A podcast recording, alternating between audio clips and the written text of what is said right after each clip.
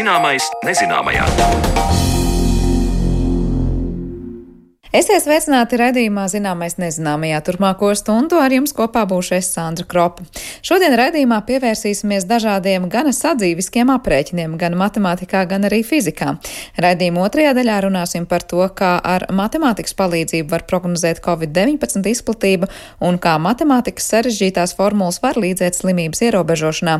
Taču pirms tam vēl viens šobrīd ļoti aktuāls stāsts par to, ar kādiem fizikas izaicinājumiem jāsaskaras Ziemassvētku vecītim.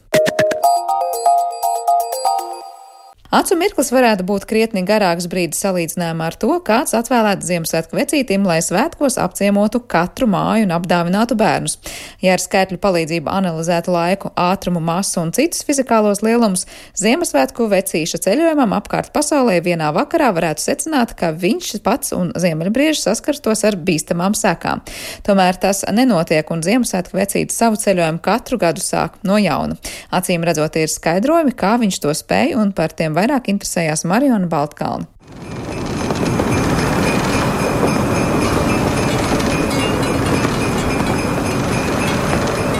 Ziemassvētki ir brīnuma laiks, un uh, dažreiz uh, ir, protams, ļoti skaisti un labi, ja mēs izskaidrojam lietas no fizikas viedokļa un parādām, ka tās tādas ir. Bet dažreiz, ja mēs mēģinām pārāk to fiziku visur iesaistīt, mēs varam sabojāt to prieku, kas ir cilvēkiem par svētkiem, jā, parādot, ka, nu, redzi, šeit īstenībā šobrīd tas it kā nav iespējams. Jā. Bet no otras puses, ja mēs tomēr pieejam ar tādu zinātnisku metodu un mēģinām skaidrot, mēs tomēr varam saprast, ka mēs īstenībā daudzas lietas varam izskaidrot, jā, un tādā veidā varam tomēr tuvoties tam, ka mēs patiesībā varētu noskaidrot, kā tas Ziemassvētku vecīs tad īstenībā tās dāvās tur iznāsās. Tā attālināti ierakstītā sarunā saka Tukuma Rāņa ģimnāzijas fizikas skolotājs un izglītības portāla Fizmiks satura veidotājs Valdis Zuters un mūsu sarunā mēs necentīsimies notraukt burvības plīvuru, bet drīzāk ar cipariem, fizikāliem lielumiem un teorijām mazliet pietuvināties šim brīnumam, apzinoties, ka tieši tāpēc tas arī paliek brīnums. Kā Ziemassvētku vecītis vienā vakarā spēja apciemot visus pasaules bērnus? Vispirms, tīri teorētiski mēģināsim saprast, ko tas vecītim varētu nozīmēt. Un pirmais atskaites punkts - pasaulē dzīvo aptuveni 2,2 miljārdi miljārdi bērnu vecumā līdz 18 gadiem. Īstenībā ir tā, ka ne jau visā pasaulē svin šo Ziemassvētku. Nozīmē, ka pasaules vietās nu, ir atšķirīgas tradīcijas, eh, reliģijas, ja, un visi jau šo Ziemassvētku nesvin. Ja. Tā kā patiesībā tas šo skaitli vēl samazinātu, nu, es teiktu, ar kādu, kādiem nu, simtiem miljonu, jā, 400, 300, 500, jā, nu, tur varētu skatīties, vai visi tie saņem dāvanas, kas ir labi uzvedušies, jā. Varbūt saltēts arī žagars atnes, jā. Bet kādā ziņā tas skaitlis noteikti būtu krietni mazāks par diviem miljardiem. Eh, kas tomēr jau būtu reālāk no salotētim. Labi, tad mēs varam palikt tikai pie 400 miljoniem, ja? jā, jā. kas eh, vienā vakarā ir jāapciemo. Labi, teiksim pie tās praktiskās puses, kā tas varētu izskatīties, ņemot vērā, ka mums austrumu pusē ir stunda uz priekšu, tad Ziemassvētku vecītiem laikam loģiskāk būtu vispirms apciemot, piemēram, bērnus Krievijā, ja, un tad doties, Aha. piemēram, uz Lielbritāniju. Jā, un šī ir tā viena interesantā lieta, kas skaidrojot, kā to var paspēt, ka nu, īsnībā Ziemassvētku vecītim ir vairāk nekā 24 stundas laika. Ja, jo tieši šo laika zonu dēļ, kas atšķirās, ja viņš var sākt vienā vietā un tad pareizajā virzienā braukt. Un īsnībā, lai izpildītu savu uzdevumu, tad viņam patiesībā ir vairāk nekā 30 stundas, pateicoties šīm laika zonām, kas ir mums. Ir tā, ka saltēs nes noteiktā diennakts laikā, jā, tad, viņš nu, parasti nenes pa dienu, viņš nes pa nakti. Un tad viņam būtu jāsāk uh, tur, kur ir pirmais iestājas tas brīdis, kad ir pieņemts, ka saltēts var atvest dāvāns, ja, un tas īstenībā arī var patiesībā atšķirties, kurā vietā tur būtu jāskatās. Ja, un tad viņam būtu jābrauc uh, no austrumiem uz rietumiem, ja, un tad, tad viņš varētu jā, šādi izvadāt. Ja, tas parāda to īstenībā loģistikas uh, grūtība, kas viņam ir. Labi, mēs tagad zinām bērnu skaitu pasaulē, mēs zinām, cik Ziemassvētku vecītim ir laika, tad kā tagad senāk, ar kādu intensitāti viņam būtu jāveic savus darbs, proti, cik daudz apmeklējumi viņam būtu jāveic minūtēs, sekundēs, Aha. stundā, cik mājas, vai kā tagad moderni saka, ja mājasaimniecības būtu jāapciemo. jā, jā droši vien, ja pēc katras mājasaimniecības viņam būtu jā jāievēro karantīna, tad ar to visu brīnumu arī beigtos līdz ar pirmā mājas apmeklējumu. Bet piemēram tāda kārta varētu būt, ka apmēram tūkstots mājas uh, vienā sekundē. Tas nozīmē, ka no kārta, kad izmaksas varētu būt arī vairāk tūkstoši mājas sekundē. Tas nozīmē, ka uz vienas uh, aizsaimniecības apmeklēšanu viņam ir mazāk nekā viena milisekunda, kas ir tūkstošā daļa no sekundes. Jā, tad, nu, tas apmeklējumu skaits ir ļoti, ļoti intensīvs tūkstošā daļa no sekundes vienai maisaimniecībai. Jā. Mēs, mēs vispār reāli kaut ko varam kā cilvēki izdarīt vienā sekundes tūkstošdaļā. Man liekas, pat pamirkšķināt nepagūst. Jā, tas varētu būt uh, tas, ka mēs mirkšķināšanas brīdī jau salatēts ir bijis un viss, viss nokārtojas. Jā. Uh, bet, protams, ka nu, tajā laika izteiksmē tā ir viena lieta, jā, bet ja mēs tad pareiķinām, nu, cik tad uh, būtu tas ātrums, nu, fiziskais ātrums, pārvietošanās ātrums, ar kādu būtu jāpārvietojās, jā, tad, uh, ja ja mēs pieņemtu, ka tās mājas ir aptuveni vienādā attālumā viens no otras, patiesībā to 30 vairāk stundu laikā būtu Ziemassvētku vecītim jānobrauc lielāks attālums nekā ir no Zemes līdz Saulē. Jā, tad tie būtu vairāk simti miljoni kilometru. Jā, līdz ar to tas ātrums, ar kādu būtu jāpārvietojas, arī būtu nu, tūkstošos kilometru sekundē ātrākā reaktīvā lidmašīna, kas mums nu, pārvietojas gaisā, ir kaut kādā 2 km sekundē bijis rekords. Un uh, ātrākais cilvēka veidotais aparāts, kas jau kosmosā lidojas, ir 11 km sekundē. Ja? Tad mēs varam salīdzināt, cik ļoti tas uh, milzīgais ātrums ir vajadzīgs, lai mm. izvadātu dāvanas. Un galu galā, mm. kad cilvēkam aiziet uz uh, labierīcībām un pusdienu pauzi ieturēt. 31 stundas laikā droši vien, ka kādreiz arī to vajag izdarīt. Jā. Nu, jā, jā, un, protams, ir vēl viens uh, fizikāls lielums, kas šajā procesā būtu nozīmīgs, ir arī pātrinājums. Jo Ziemassvētku vecītim ir jāuzņem ātrums un jānobremzē, nu, kas skaitās arī ar milzīgu pātrinājumu. Ja? Un, nu, parasti pātrinājumu salīdzina ar to pātrinājumu, ja mēs paņemam kādu objektu un palaižam Zemes gravitācijas laukā, saucamot par brīvās skriešanas pātrinājumu, parasti ar to salīdzina.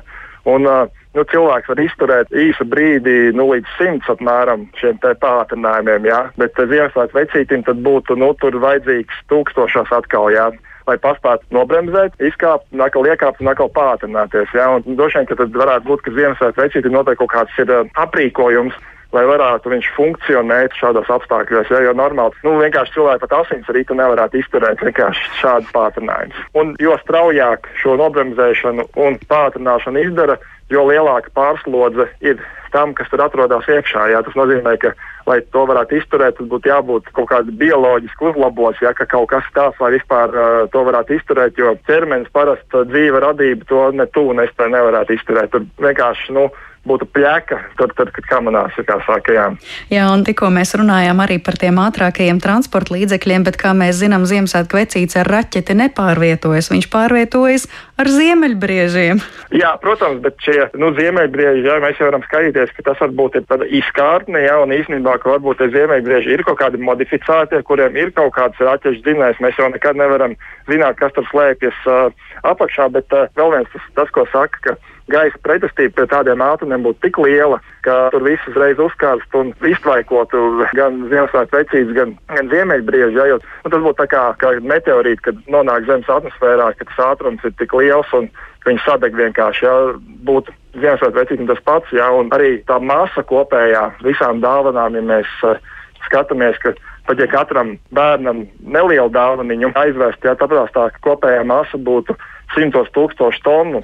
Izklausās visai izaicinoši un pat bīstami, tāpēc reālāk viss paveicams, ja Ziemassvētku vecīšu darbību skaidrojam ar kādu teoriju palīdzību.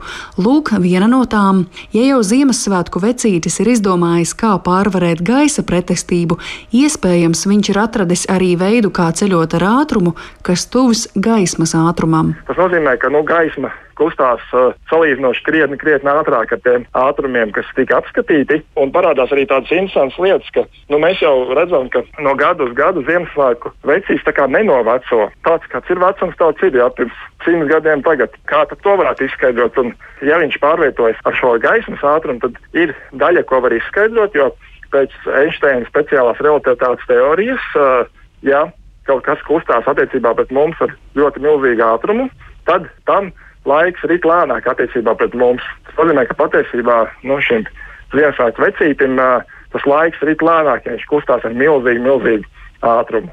Un vēl ir tāda interesanta lieta, ka, ja kāds tomēr būtu nedaudz redzējis šo Ziemassvētku vecīti, tad, nu, kā viņš viņu aprakstītu, piemēram, ārā, nu, tad parasti arī saka, ka ir kaut kāda svītra bijusi, nu, kaut kāda zilgana gaisma, ka varētu būt, ka tas uh, Ziemassvētku vecītis ir aizbraucis garām.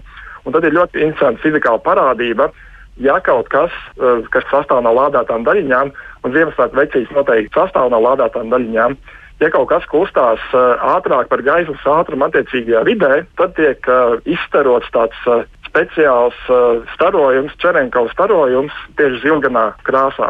Protams, ka tas ir jautājums, kā var kaut kas pārvietoties ātrāk par gaismu. Tad nu, parasti ir tas, ka saka, jā, nekas jau nevar pārvietoties ātrāk par gaismu, bet uh, tur ir tāda piebilde par gaismas ātrumu vakumā. Par to nekas ātrāk nevar pārvietoties. Bet, uh, Tad, kad uh, gaisma pārvietojas kādā vidē, kur ir uh, viela, tad gaisma pārvietojas nedaudz lēnāk. Un arī gaisā patiesībā gaisma no savu maksimālā ātruma tomēr nedaudz, nedaudz lēnāk uh, kustās. Un tur sala veciņi. Tad ir šī šaurā josla, kur viņš, ja viņš pārvietojas bišķiņā ātrāk, tad viņš var uh, izskaidrot šo, kāpēc tad īstenībā mēs redzam kaut kādu zilganu gaismu saistībā ar šo te eh, Ziemassvētku vecīšu kustību. Ziemassvētku vecīšu sakarā iecienīts ir arī kvantu fizikas skaidrojums. Kvantu fizika sāk nozīmīgi darboties izmēros, kas ir ļoti mazi, un šādos gadījumos fizika attiecībā pret mums, lielajiem ķermeņiem, kļūst dīvaina. Tieši kvantu fizika palīdz saprast, kā Ziemassvētku vecītis vienlaikus spēj nemanāms būt visur, un Valdis Zuters to skaidro ar vienkāršu piemēru. Ja mums ir daļiņa, kas var iziet caur divām spraugām, diviem caurumiem, tad uh, makroskopiski mēs esam pieraduši, ka tā daļiņa, mēs šaujam kaut kādu bumbiņu, tad viņi iziet vai nu caur vienu caurumu vai caur otru caurumu. Bet, ja tā sistēma ir ļoti maziņa un sāk pakļauties kvantu fizikas likuma sakarībām, tad ir tā iespēja, ka jā, tā bumbiņa vai daļiņa iziet caur vienu spraugu, iziet caur otru spraugu, bet tad ir arī iespējams stāvoklis, kas ir šo abu stāvokļu summa.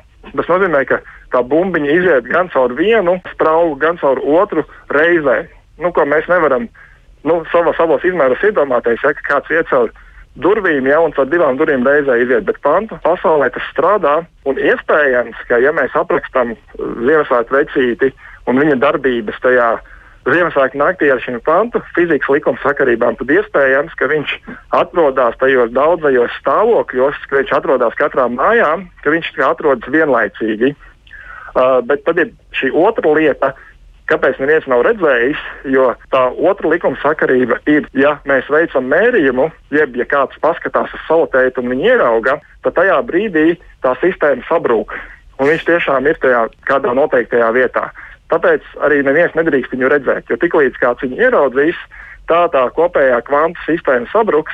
Un nebūs vairs šī Ziemassvētku brīnuma, ka Ziemassvētku vecītis atrodas nu, teiksim, tā, vairākās vietās vienlaicīgi. Tāpēc varētu būt tas Ziemassvētku brīnums, tas, ka viņš ir liels, drukns vīrs, kurš pakļaujās kvantu fizikas likumiem. Mēs esam varbūt solīti tuvāk, jā, bet vēl aizvien mums ir jāskaidro, kāpēc tas var īsti būt.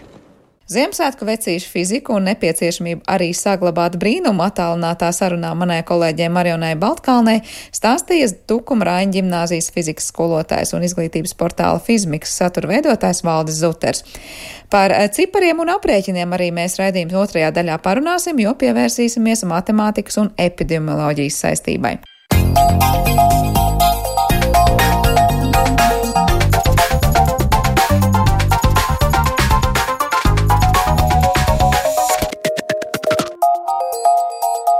Zināmais nezināmajā. Jau ierasts, ka Covid-19 krīzes risināšanā iesaistījušies pirmkārt jau epidemiologi, biologi, sabiedrības veselības speciālisti un dažādi jomu mediķi, bet tāpat tajā ierasts arī iesaistīt sabiedrības pētniekus, dažādu tehnoloģiju pārzinātājus un nu jau arī arvien vairāk runā par mentālās veselības speciālistu iesaisti. Taču raidījuma turpinājumā mēs runāsim par to, kā epidemioloģiskos rādītājus var prognozēt, liekot lietā matemātiku. Vai sarežģītas formulas, par kurām varbūt daudz no mums skolas laikā teica, kur tad tas viss dzīvē noderēs, pat tiešām var palīdzēt vīrusu ierobežošanā? Atbildes mēs šodien meklēsim kopā ar Latvijas Universitātes datorikas fakultātes pētnie, eh, profesoru Andri Ambaini un Rīgas Tradiņu Universitātes sabiedrības veselības un epidemioloģijas katedras vadošo pētnieci un asociēto profesoru Inesu Gobiņu. Labdien jums abiem! Labdien! Labdien. Vispirms es varbūt jautāšu Andri jums, jo es zinu, ka jūs sociālajos tīklos ik pa laikam dalāties ar dažādiem ziņojumiem vai aprēķiniem, kur var redzēt, ka jūs liekat lietā, kā saka, matemātiskos aprēķinus un šos situācijas varbūt vērtējumu un prognozēšanu. Cik līdz šim jums ir izdevies, varbūt, nu, tā var teikt, ar saviem aprēķiniem, nu, tās prognozes diezgan precīzi ieraudzīt pēc tam realizējumos dzīvē, ja mēs runājam tieši par Covid-19 izplatību un situācijas izplatību Latvijā? Nu, kaut, Kaut kādos brīžos uh, mans prognozes ir bijušas patiesas, kaut kādos brīžos es esmu kļūdījies. Laikam brīži, kad viņ, viņas ir bijušas patiesas, ir, uh, ir bijis vairāk nekā brīži, kad uh, es esmu kļūdījies. Varbūt jūs atklāsiet. Šajā procesā, šajā procesā es noteikti esmu ļoti daudz ko iemācījies par uh, par, par, par epidemioloģiju. Jo tad, kad es sāku pirmo reizi sociālajos tīklos komentēt epidemioloģiju kā matemātiķis, tad es daudzas nianses nesapratu, un citi cilvēki kopš tā laika man viņas ir paskaidrojuši. Jā, jūs nevēl teicāt epidemioloģiju komentēt kā matemātiķis. Ko tas nozīmē un cik tālu matemātiķis var ieskatīties tajā, kas tad notiek tajā epidemioloģiskajā situācijā? Matemātiķis var tā kā skatīties uz tām lietām uh, lielu skaitļu mērogos.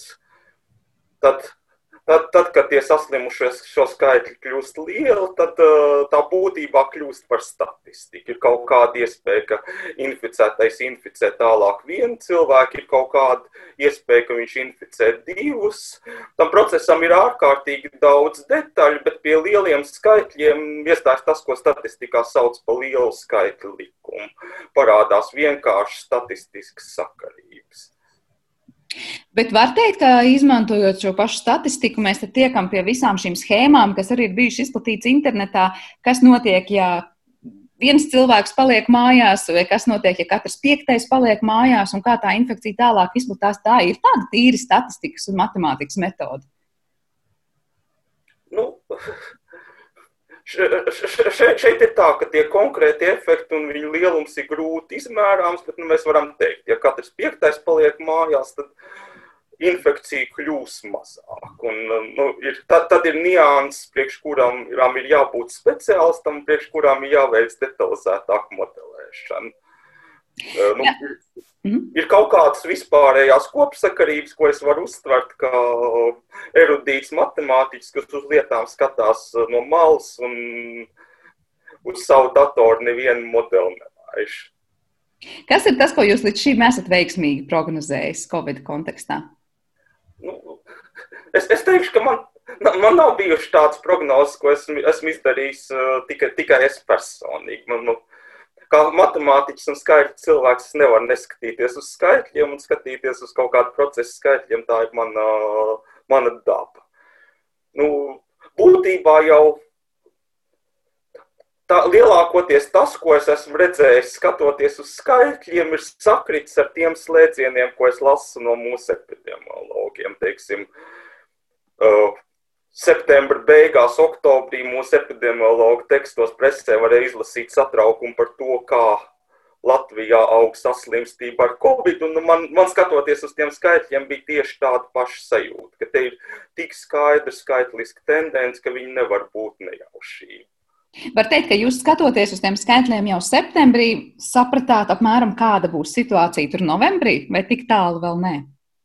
Nu, situācija arī ietekmē tas, kā mainās cilvēku uzvedība un ko, kā, kā mainās mūsu likumi. Tu, tas, ko var noprognozēt, skatoties uz skaitļiem, ir kādas būs tās tendences, ja, ja noteikumi nemainīsies un ne, uzvedība nemainīsies. Un, ja noteikumi pilnībā nebūtu mainījušies un uzvedība pilnībā nebūtu mainījušies, tad mums, būtu, mums šeit būtu katastrofa tas, ko, tas, ko es kā matemātiķis nevaru prognozēt, ir tas, nu, teiksim, mēs tagad, valdība tagad ievieš tādus un tādus ierobežojumus, cik liels būs efekts. Un, nu, es, es pieņemu, ka to patiesībā nevar prognozēt neviens. Droši vien epidemiologu komanda, kas uh, uh, dot padomus mūsu valdībai, to var prognozēt labāk nekā es no malas, jo viņiem ir pieejama augstāk, augstākas kvalitātes dati, un viņus to pavada 40 stundas nedēļā vai pat vairāk. Bet, nu, tā, nu, kā, kā jebkurā lietā, kur ir ietvērta cilvēku uzvedība, šeit ir būtiski neprognozējamība. Mēs zinām, ka, lai apturētu šo slimību, mums kaut kādā veidā ir jāierobežo kontakts starp cilvēkiem, bet kontakts starp cilvēkiem tas ir kaut kas tāds ārkārtīgi neizmērāms. Ja mēs neieslēdzamies totālās izsekošanas režīmā, kur mēs izsekojam absolūti visu cilvēku mobīlu, pārvietošanos pa mobīliem telefoniem. Tad mums ir grūti pateikt, cik tie kontakti mazināsies un cik katra konkrēta rīcība viņus samazinās.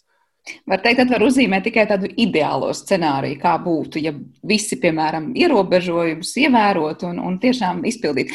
Ines, man tagad gūzma ar jautājumu jums, kā epidemiologi raugās uz to, nu, cik daudz matemātika un matemātiķi, tātad cilvēki, kas nestrādā ar epidemioloģiju savā ikdienas dzīvē, var sniegt pienesumu tajā, kā jūs pēc tam redzat šīs situācijas.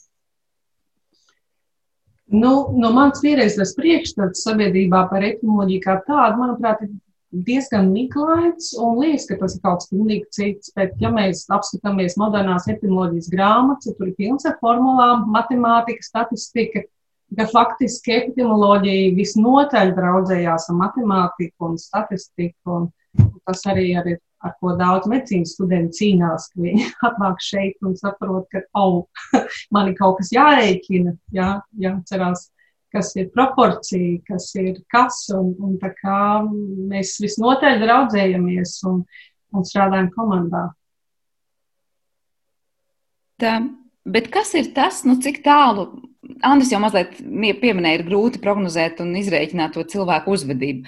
Var teikt, kamēr mums ir jāprognozē vīrusu izplatība, tikmēr visa statistika un matemātika un formulas lieliski strādā, un mēs varam ar nezinu, kādu precizitāti pateikt, pēc cik dienām, kādā apjomā un kādā reģionā tas konkrētais vīrus būs izplatījies. Nu, skaidrs, ko Andris jau pieminēja, kad cilvēku uzvedību prognozēt ir ir uh, visgrūtāk šajā kontekstā. Mēs daudz ko arī nezinām par šo atsevišķu epidemioloģisko pasākumu efektivitāti. Tas tiek šobrīd pētīts, nezinu, to pašu masku lietošanu, kas ir šobrīd vai neaktuāls jautājums, ir efektīvs, nav efektīvs, kam slimajam vai arī veselajam. Um, tur ir vajadzīgs laiks, lai mēs apkopotu un saprastu arī katru atsevišķā pasākumu teiksim, šo efektivitāti. Jo bieži vien tas nāk viss kopā. Mums ir obligātā masku lietošana, uzreiz veikali tiek slēgti un atdalīt efektu vienam pasākumam no otra ir ļoti sarežģīti, jo mēs šeit nevaram veikt klasisko eksperimentālo pētījumu. Uh, bet arī par pašu vīrusu tas ir gana jauns vīrus. Un, um, ļoti daudz, kas vēl ir nezināms, gan par šo transkripciju, gan par šo skatības, jeb ja R koeficientu, par ko runā. Uh, bet, uh, nu, salīdzinoši ar pavasari, mēs daudz jau vairāk kaut ko zinām, tīri šīs bioloģiskās pamatlietas un kopsakarības, un jā, tas mums noteikti palīdz. Bet tas ir viss komplekss noteikti, jo mēs redzam, šī pandēmija ir lielisks piemērs, kas parāda, uh, ka pandēmijas apkarošanā šādā krīzes situācijā svarīga šī komanda, kurā strādā daudz profesionāļi, gan biologi, laboratorijas speciālisti, matemātiķi, politiķi, protams, epidemiologi un tā tālāk. Jo katrs dod savu pienesumu no savas nozares, jo šī pandēmija nav atkarīga vairs tikai no vīrusa kā tāda, bet arī mēs redzam cilvēku uzvedību, politiskie lēmumi un tam līdzīgi. Jā, jūs pieminējāt komandu, liekas, īpaši komandas biedrs, kas būtu jāsaka, ir mēs kā sabiedrība, jā, jo, laikam, kamēr sabiedrība nav līdzvērtīgs komandas biedrs, ir tāda tā kā cīņa ar veidzirnavām. Jā, noteikti. Tas, ka sabiedrība jūtas iesaistīta, kad ar viņu komunicē, man liekas, zināmā mērā Uh, nu, daudz, kur mēs varbūt kļūdāmies, un saprotams, mēs visi esam krīzī, gan profesionāli noguruši, gan sabiedrība noguruši un politiķi noguruši. Ja? Bet uh, mums visu laiku tomēr ir jāatcerās būt mazliet tonusā attiecībā uz to komunikāciju, to katru vārdu, ko mēs sakam sabiedrībai. Lai viņu uzmundrinātu, lai, lai pateiktu paldies, ja, jo, jo lielākā daļa cilvēku ievēro. Es negribētu šeit uh, izcelt ja, kādu, kādu grupiņu Facebook tīklos vai, vai kādā mītiņā, kas um, saka kaut ko citu. Lielākā daļa sabiedrības ir diezgan, man liekas, saprotoša un, un saprot lietas nopietnību. Tad tā paldies viņiem un kopā strādājam. Ja tikai kopā mēs varam šo vīrusu pieveikt. Tā liktos, nu, ja lielākā daļa ievēro, un tomēr tā situācija nu, pasliktinās, kādi ir tie jūsu nezinu, minējumi, kāpēc tā notiek? Nav efektīvi tie paši ierobežojumi, vai nav tomēr ne, neefektīvi tos ievērojumi? Nu, viens ir ierobežojumi, jā, jo ir nenormāls spiediens, vai ne? Mēs paši zinām, ekonomisti runā par problēmām ekonomikā, bet šobrīd šī vīrusa apkarošana, pandēmijas ierobežošana ir arī, manuprāt, no ekonomiskā viedokļa jautājums numur viens, kas mums ir jāizdara, un tad tālāk mēs varam domāt par brīvāku ekonomiku un principiem un tā tālāk. Bet uh, tā man pārtrūk domas vārdiņš. Vairāk par to, kāpēc mums ir. Jā, Nu, viens ir arī pati vīrusa daba. Uh, jāsaka, ka pandēmija joprojām ir. Un līdz ko mēs palaidām, jā, tas, ko es gribēju teikt, palaidām bišķiņu brīvāk, kā vasarā, vai ne jau ceļošanas ierobežojumi. Man te katrs tūmā stāv tālīņa kuģa uh, piestātnē, nepārtraukti pie mums, vai ne brauca, un, un, un mēs apmainījāmies um, ar viedokļiem. Un ne tikai uh, Uh, un, un to mēs pēc tam uzreiz redzam. Šīs sekas, ka mazliet brīvāk, un, un atkal vīrus ir atgriezies, viņām neinteresē mūsu nogurums vai, vai, vai, vai mūsu. Vai ne, tas pārējais. Un to mēs arī redzam no prognozēm, modeļiem. Arī šobrīd, uh, respektīvi, organizāciju mājaslapās mēs varam atrast visdažādākās projekcijas un modeļus, kas te varētu būt Un nu, šie Ziemassvētki, jaunais gads uh, ir sarkanā krāsā iezīmēti kā, kā viens no uh, riskiem, kādēļ mēs janvāra sākumā varētu sagaidīt janvāra vidū nu, ļoti daudz hospitalizācijas un, un nāves gadījumu, diemžēl arī, jo tas ir saistīts neapšaubām. Andrēs, jautāšu jums, jā, arī. Es, es no, es no sa, sa, savas skatu punktu pakomentēšu. Man liekas, ka te vienkārši ir tā situācija, ka šis vīrus izplatās tik ātri, ka viņi grūti ierobežot pēc būtības. Mm. Tā, savā matemātikā nultajā tuvinājumā es tā varētu to skaidrot ar vīrusu ar, ar vīrus izplatības koeficientu. Nu, vīrusu izplatības koeficients tā ļoti tuvināti parāda, cik vairāk vai mazāk saslimušo mums būs, teiksim, pēc nedēļas. Nu, nedēļa varētu būt tas laiks no brīža, kad cilvēks tiek inficēts līdz brīdim, kad viņš inficē citu. Un, nu, neierobežotā veidā tas arī ir 2,5 vai 3. Tas ir vīrusu auga ar ātrumu 2,5 reizes, 3 reizes nedēļā. Un tādā režīmā, kā mēs dzīvojām pavasarī Latvijā, tas izskatās, ka tas koeficients varētu būt kaut kur, teiksim, 0,8.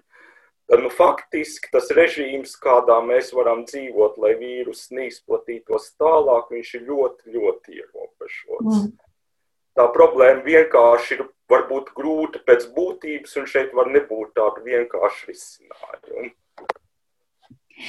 Varbūt tas papildu jautājums būtu tāds, kas notiek tajos brīžos ar šo vīrusu izplatības koeficientu, kad tā kā arī Ines minēja, uz brīdi kaut kas tiek atļauts un pēc tam atkal, piemēram, ierobežos. Nu, piemēram, atsevišķās citās valstīs pasaka, nu labi, tagad nedēļu ir atvērti tur visi veikali un restorāni un bāri un viss pārējais. Uh, Un it kā liekas, nu tad nedēļa atkal cilvēki sanāk kopā, pēc tam atkal tas vīrusu um, at, um, izplatīšanās koeficients būs krietni augstāks, vai viņš atgriezīsies tajā iepriekšējā ātrumā vienkārši.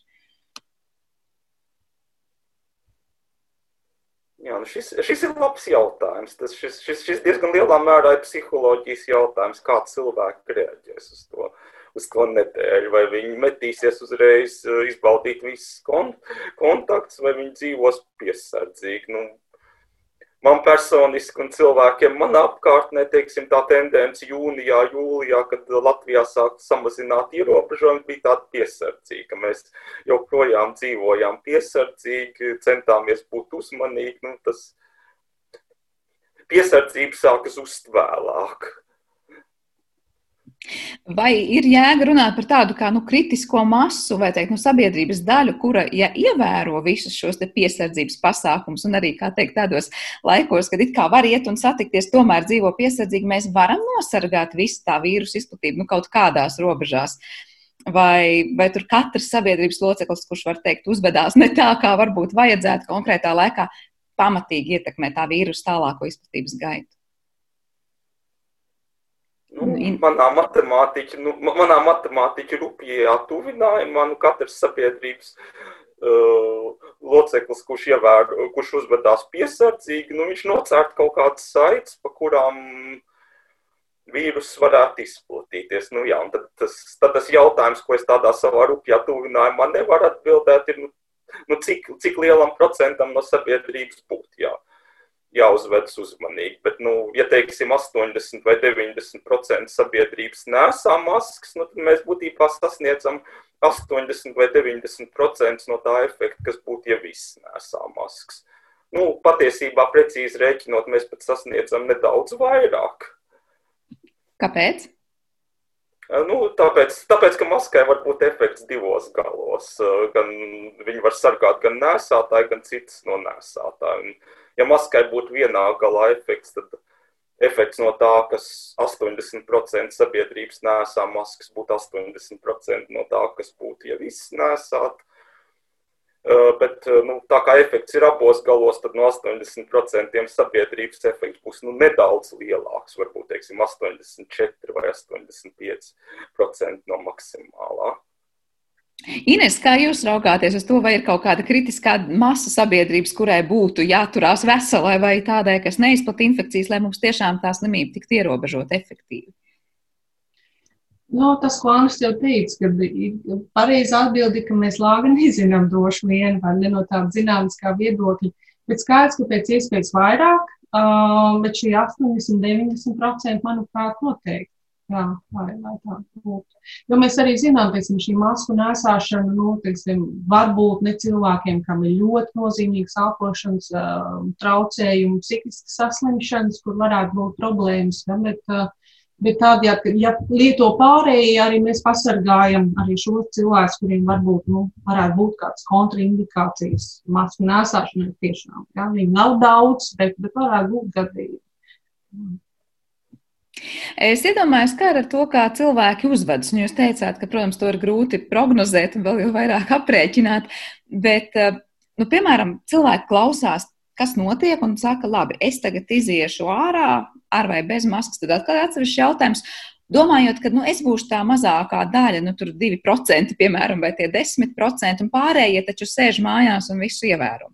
Savukārt, citi varbūt tādā situācijā teiks, ne, nu, es, es tad noteikti sēdēšu mājās, jo, jo citi citādāk staigās apkārt. Kā mēs varam vispār prognozēt, kā cilvēki var uzvesties un kurš kuru savai saka, kategorijai pieskaitīs un atbilstoši no tā, kurai kategorijai cilvēks sev pieskaita, mainās tā viņa uzvedība. Nu, vai nu viņš tad ievēros ar domu, ka no manis būs jēga, vai neievēros, jo domās, ka pārējie taču viss izdarīs sabiedrības vietā.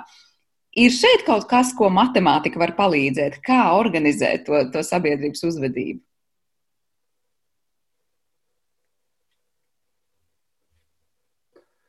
Kā jums? Sarežģīts jautājums. To, es domāju, jā, ka tā, tas ir tiešām jau vairāk uzvedības psiholoģija. Un, kā, kā rezultātā mēs arī redzam, un par ko daudz runā arī par šo Covid-19 pandēmijas ietekmi cilvēku mentālo veselību, ja, kas, kas, kur mēs šo efektu varētu redzēt vēl tikai vēl ilgtermiņā. Ilg arī teiksim, par bērniem pusauģiem, kas šobrīd nevar apmeklēt skolu, un, un um, ne visiem mājās ir nodrošināta ļoti emocionāli jauka atmosfēra, kur viņi var attālināt forši mācīties, savs skatiņš, savs stūrīts, atbalsts no vecākiem, jā, kur man ko sūtīt, ko izprintēt. Un, un um, es zinu pat vecākus cilvēkus, kas, jā, tas, kā jūs teicāt, uzskata, ka apkārt neviens neko neievēro, ir briesmas draudi, jā, un tāpēc neiet uz veikalu nopirkt maizi.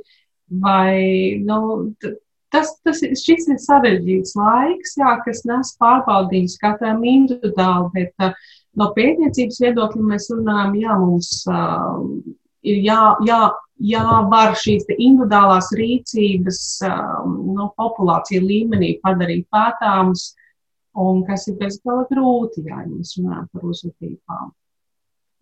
Šo to mēs zinām, kā cilvēki mēdz uzvesties krīzes situācijās, bet atkal cik tā krīze ilgst, un tur ir ļoti daudz šie parametri, kas ir liekami modelī, ja tā mēs varētu teikt. Ja?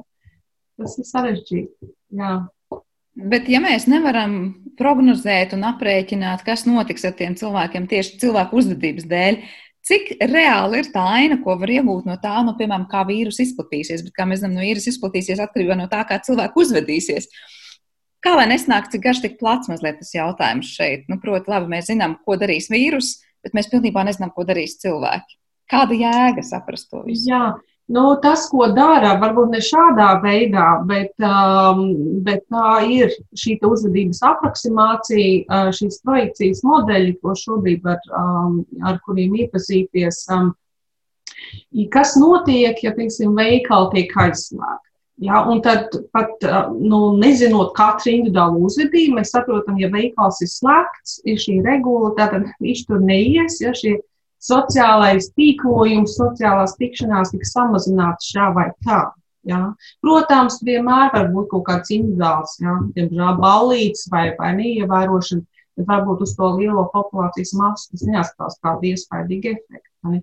Kas notiek, ja tiek um, mācība notiek tikai attālināti? Ja, un atkal projekcijas, jo atkal tas mazina, kāpēc mēs to darām, tas mazina sociālo kontaktēšanos. Nu, tādā veidā, es domāju, drīzāk šobrīd notiek šī modelēšana, uh, ne, ne tik daudz domājot par individuālām rīcībām un, un psiholoģiju, cik par šiem pasākumiem, kas tiek veikti, kas, protams, nenovēršami ietekmē šo individuālo uzvedību, arī vai mēs to gribam vai negribam. Bet tas, kas izskan arī daudz sociālajos tīklos, kur cilvēki paši dalījās ar savu pieredzi, kur viņi izrādās ir saslimuši, kad mazākie bērni bija atnesuši šo slimību mājās, un paši vecāki bija ļoti uzmanīgi.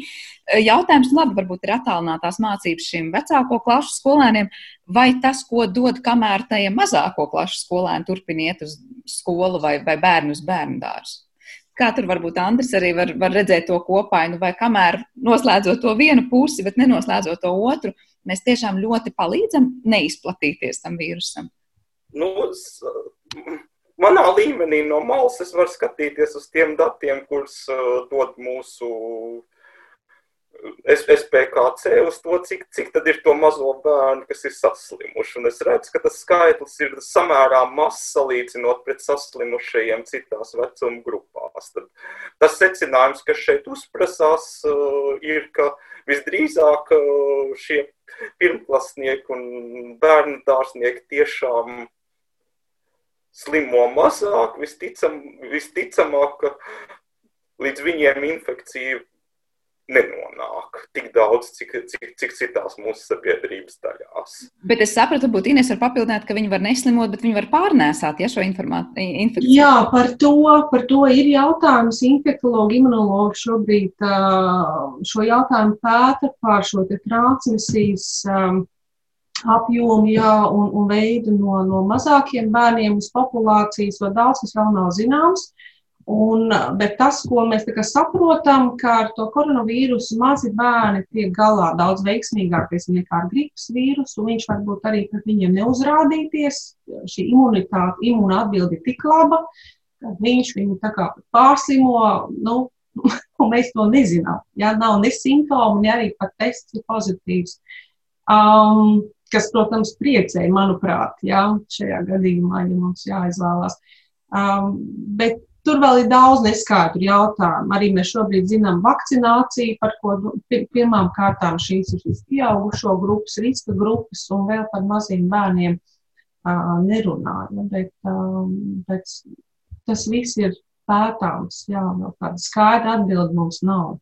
Jā, es pieņemu, ka daudz interesantu. Kā matemātiķa tuvinājumā es teiktu, ka ja mazs bērns tiešām labi pārnēsātu slimību, tad mēs redzētu daudz saslimšanas gadījumus sākuma skolotāju, sākuma skolas skolotāju un bērnu dārza audzinātāju vidū, jo nu, tiem bērniem pēc veselā saprāta vajadzētu pārnēsāt slimību ne tikai uz savu ģimeni, bet arī uz audzinātājām, skolotājām. Un šeit atkal izskatās, ka tas nav, nav redzams.